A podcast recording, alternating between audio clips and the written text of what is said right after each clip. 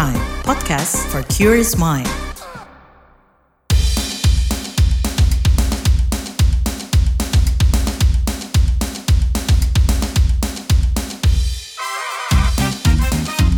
What's Trending KBR Pagi, siaran pagi radio paling update.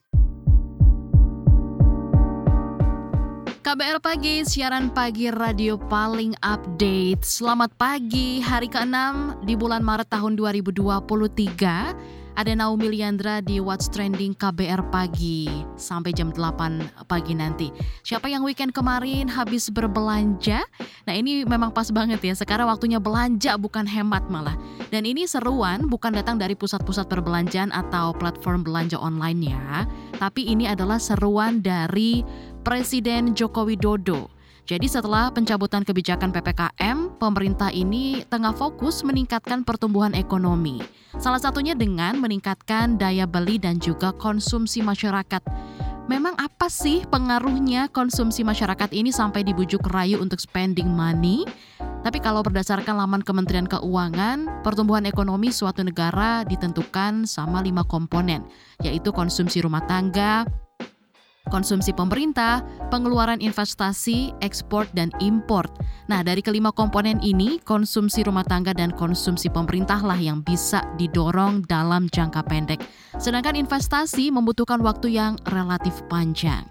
Dan ekspor juga membutuhkan upaya yang lebih karena dunia usaha nasional juga belum pulih ya dan kondisi ekonomi global yang juga masih lesu. Tapi pertanyaannya, akankah masyarakat berbondong-bondong memborong barang belanjaan sesuai keinginan presiden saat ini? Kita mau obrolin ini, tapi sebelumnya seperti biasa, kita dengarkan dulu komentar warganet plus 62 berikut ini.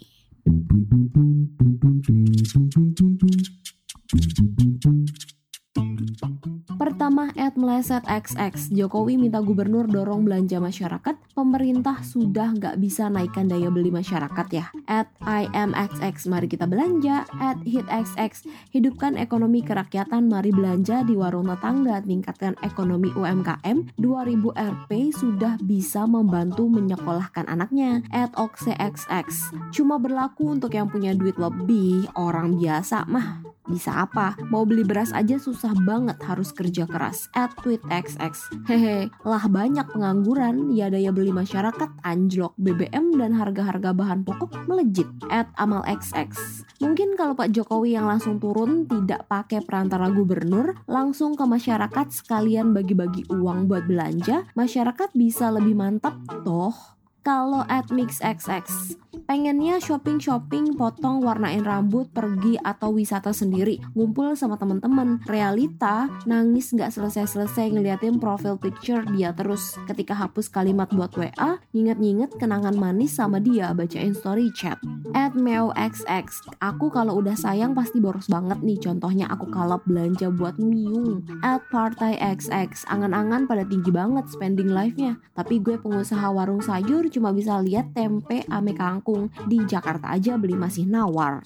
At Ian XX, tolong turunkan harga sembako atau minimal stabilkan harga jangan terlalu mencekik. What's Trending KBR Pagi, siaran pagi radio paling update.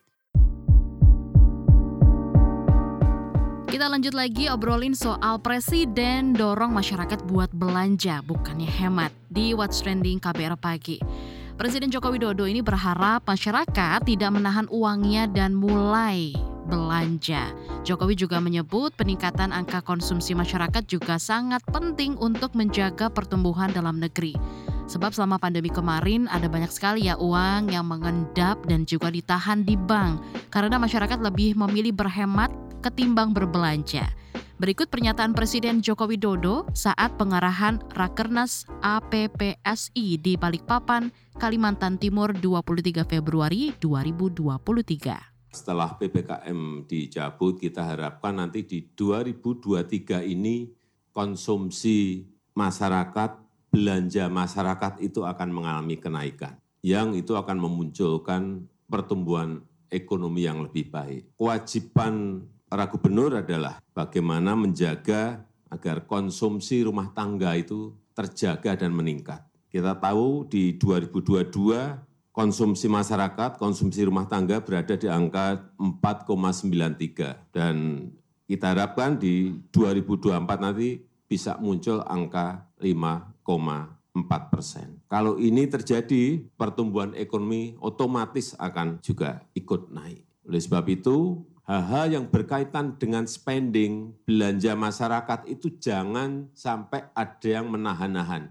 di tahun 2022 belanja masyarakat yang ditahan itu ada di bank. Kita bisa ngecek berapa sih kenaikan tabungan masyarakat di bank. Di tahun 2022 itu ada angka 690 triliun dana masyarakat yang ditahan dan tidak dibelanjakan. Artinya masyarakat ngerem, tidak ingin belanja, tidak ingin datang ke restoran, tidak ingin datang ke pasar, tidak ingin datang ke mall, tidak ingin datang ke toko belanja, tidak. Lebih baik disimpan di bank. Ini tidak boleh kita harus mendorong masyarakat agar belanja itu bisa sebanyak-banyaknya untuk men-trigger pertumbuhan ekonomi kita. Nah, di tengah seruannya, Presiden Jokowi juga menilai di 2023 ada peluang peningkatan konsumsi masyarakat.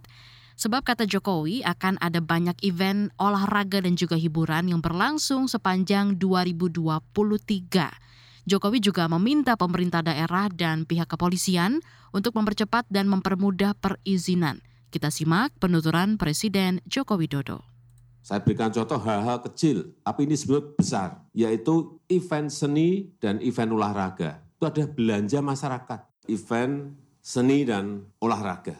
Diperkirakan tahun 2023 ada kurang lebih kurang lebih 3 ribuan event event olahraga dan seni ini bagus untuk ekonomi kita. Sehingga kemarin saya sudah titip ke Kapolri, sekarang saya ketemu para gubernur, wakil gubernur, dan sekda, untuk izin-izin masalah ini jangan ada yang dihambat.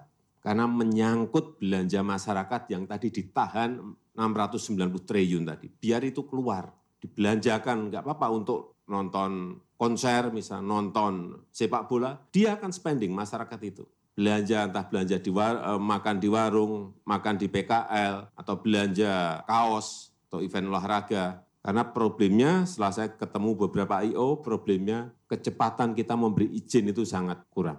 Dua hari sebelum hari ya izin baru keluar. Tiga hari sebelum hari ya izin baru keluar. Saya kemarin sudah perintahkan kepada Kapolri, izin itu harus sebulan sebelumnya sudah harus keluar. Minimal sebulan sebelumnya harus sudah keluar.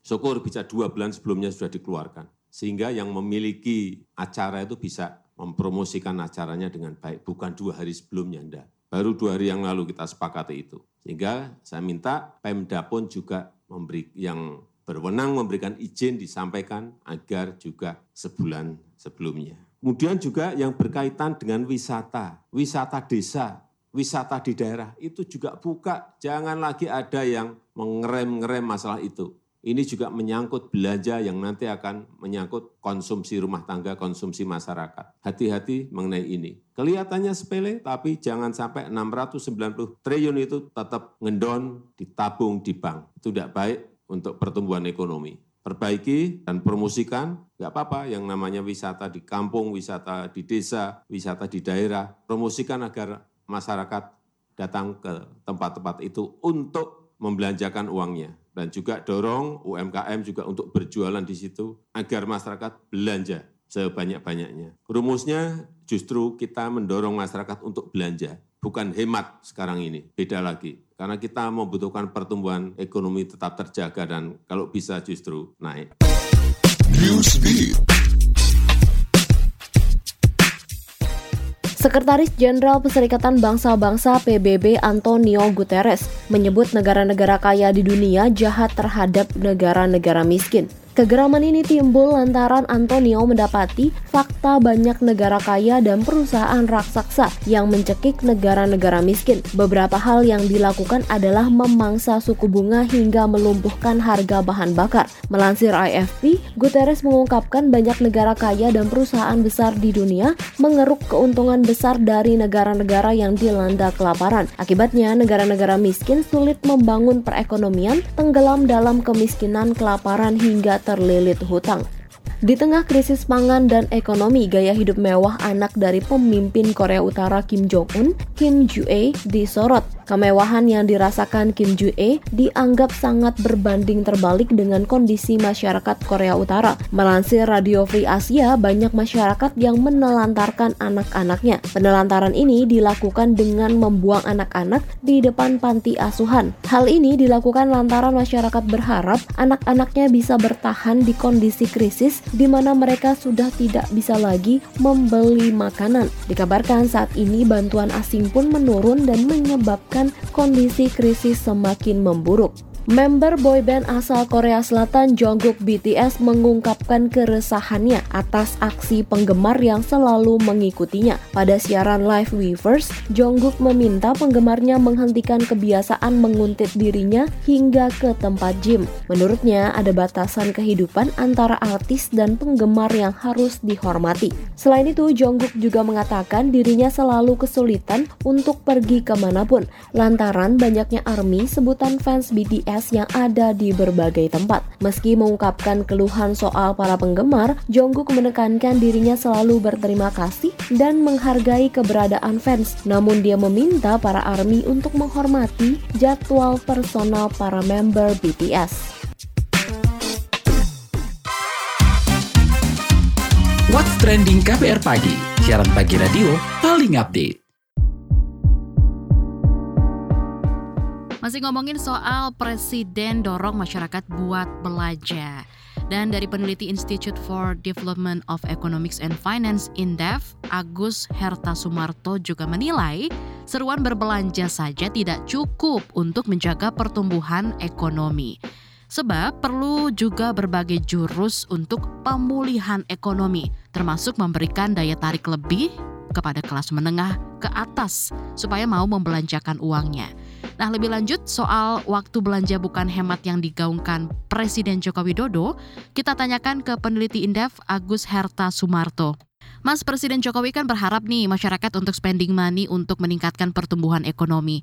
Anda melihatnya bagaimana? Satu, memang kita dapat memahami kenapa sih Presiden mendorong untuk memberikan himbauan untuk meningkatkan konsumsi kita. Karena memang struktur ekonomi kita lebih dari 51 persennya itu kan ditopang oleh konsumsi swasta. Ini adalah momentum yang saya kira memang kita perlu ada trigger yang lebih atau daya dorong yang lebih, terutama dari masyarakat kelas menengah atas nih. Jadi konsumsi itu sekarang yang didorong adalah konsumsi kelas menengah atas. Gitu. Namun tentunya tidak bisa serta-merta hanya berupa himbauan. Kalau hanya berupa himbauan, saya kira itu pengaruhnya tidak begitu signifikan. Maka alangkah lebih baiknya jika himbauan itu juga diikuti atau dibarengi dengan misalkan insentif untuk konsumsinya, baik itu misalkan dari sisi supply ataupun demand. Misalkan dari sisi demand kita memberikan misalkan ada diskon untuk hmm. misalkan untuk konsumsi kendaraan bermotor, subsidi suku bunga ataupun misalkan subsidi down payment atau mungkin untuk perumahan atau mungkin untuk transportasi misalkan dan akomodasi misalkan. Nah itu perlu itu dari sisi demand. Dari sisi supply-nya mungkin juga pemerintah juga bisa memberikan misalkan relaksasi pajak dengan memberikan tax holiday untuk industri-industri tertentu yang tadi untuk sektor pariwisata, hotel dan restoran, untuk transportasi, bukan untuk sektor perumahan, untuk sektor otomotif, karena itu bisa dari sisi supply-nya. Jadi saya kira harus dibarengi dengan kebijakan-kebijakan yang bisa meningkatkan daya tarik supaya masyarakat, terutama kelas menengah atas itu untuk melakukan konsumsi atau meningkatkan konsumsinya. Lalu Anda melihat minat dan daya beli masyarakat ini bagaimana, Mas? Apakah tingkat konsumsi masyarakat sudah meningkat? Ya, memang pandemi kemarin efeknya sangat signifikan ya, hmm. dan itu menimbulkan bekas yang cukup mendalam. Artinya menimbulkan namanya scaring effect efek ketakutan, takut-takut kondisi ekonomi ini belum pulih benar, gitu. takut-takut ada kejadian lagi, sehingga mereka menahan lagi invasinya, mereka cenderung untuk menghemat, cenderung untuk menabung uangnya, untuk mengantisipasi kondisi terburuk yang akan terjadi di masa yang akan datang. Jadi akhirnya mereka menahan lagi konsumsinya kalau boleh kita membedakan dua kelompok. Yang terdampak sekarang paling besar adalah kelompok menengah ke bawah. Pasca misalkan sekarang perang Rusia dan Ukraina itu kan yang melonjak harga atau invasi itu kan untuk komoditas pangan dan energi. Yang itu sangat signifikan pengaruhnya untuk masyarakat kelas menengah bawah. Karena memang konsumsi mereka paling banyak untuk pangan dan energi. Nah untuk kelas menengah atas, ini kelas-kelas menengah ini itu tidak begitu besar. Karena mereka mereka untuk pangan juga tidak begitu besar, sana juga untuk energi juga tidak begitu besar. Sehingga yang didorong, yang tidak terpengaruh, yang daya belinya tidak begitu berkurang signifikan, itu adalah kelompok masyarakat menengah. Dan ini yang perlu didorong untuk berbelanja. Dan mereka harus diyakinkan atau scaring efeknya itu harus dihilangkan. Bahwa optimisme mereka itu harus ditingkatkan. Bahwa misalkan kondisi yang akan datang itu akan jauh lebih baik. gitu. Nah itu pemerintah harus meyakinkan masyarakat bahwa kondisi masa depan itu lebih baik daripada sekarang gitu. Oke, lalu apa upaya yang mestinya dilakukan pemerintah untuk meningkatkan daya konsumsi masyarakat? Kalau masyarakat menengah ke bawah, saya kira kita tidak bisa berharap dari kelompok tersebut ya, hmm. karena memang daya belinya terpukulnya cukup besar. Inflasi yang di sekarang ini untuk komoditas tadi yang saya sebutkan pangan dan energi energi itu sangat besar hmm. dan kemampuan mereka juga terbatas. Ditambah dengan kondisi saat ini yang banyak terjadi pengangguran itu menghantam keuangan atau tingkat pendapatan masyarakat kelas menengah bawah. Nah, satu-satunya adalah masyarakat atau pemerintah itu harus mendorong konsumsi kelas menengah yang selama ini mereka sangat ketakutan gitu, tapi mereka memiliki uang yang cukup. Nah, ini yang perlu didorong. Saya melihat mulai ada perbaikan walaupun belum begitu signifikan ya. Kita melihat misalkan penjualan nah, kendaraan bermotor khususnya mobil mulai meningkat, motor pun demikian, perumahan pun sudah mulai memperlihatkan ada perbaikan gitu pemulihan lumayan.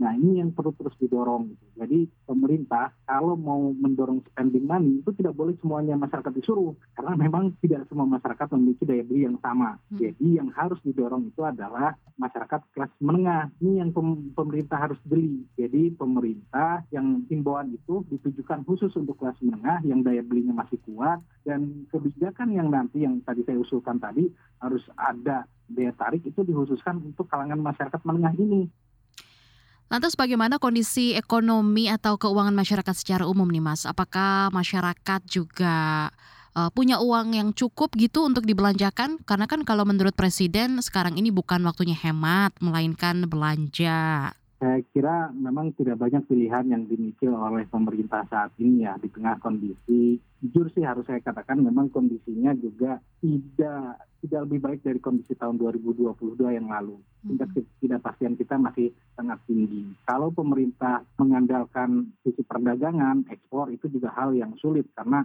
kita perdagangan dunia juga sedang mengalami perlambatan sehingga tidak bisa mengandalkan sisi ekspor. Yang kedua, misalkan kita mengandalkan investasi juga sama. Investasi para investor global sekarang cenderung untuk melakukan wait and see gitu, sehingga tidak banyak investasi baru yang akan tercipta memang jalan satu-satunya adalah pemerintah mendorong masyarakat untuk melakukan konsumsi lebih banyak. Saya kira makanya kita mungkin dapat memahami. Tetapi tentu ini jangan dijadikan jurus utama oleh pemerintah, karena pemerintah juga misalkan sekarang masih memiliki instrumen yang lain, misalkan pemerintah melalui kebijakan fiskalnya, gitu kan, bisa tadi melakukan relaksasi gitu kan. Bisa menambah program-program produktif misalkan baik itu berupa bantuan keuangan untuk UMKM nah, programnya bisa dalam bentuk uang ataupun bukan. Itu bantuan langsung berupa uang atau misalkan program-program misalkan bantuan modal suku bunga rendah atau suku bunga 0% gitu, bantuan pinjaman lunak. Itu juga bisa dilakukan oleh pemerintah untuk mendorong industri ini kembali pulih sehingga tercipta lapangan pekerjaan khususnya di sektor UMKM ya. Kalau sektor UMKM ini pulih, penciptaan lapangan kerja bertambah, maka pendapatan masyarakat juga bertambah. Otomatis juga konsumsi akan bertambah. Itu misalkan dari sisi suplainya. Dari sisi demandnya mungkin yang tadi pemerintah menjaga daya beli ini. Pemerintah dengan cara stabilitas harga. Makanya sangat penting bagi pemerintah saat ini untuk menjaga stabilitas harga pangan, terutama misalkan hmm. beras. Sekarang beras jangan sampai naik lagi deh gitu. Beras, minyak goreng gitu. Bukan hanya dari stabilitas harga, tapi juga stabilitas pasokan. Harganya tidak naik tapi nggak ada. Nah itu juga kan bermasalah. Terima kasih. Itu tadi peneliti Institute for Development of Economics and Finance Indef Agus Herta Sumarto.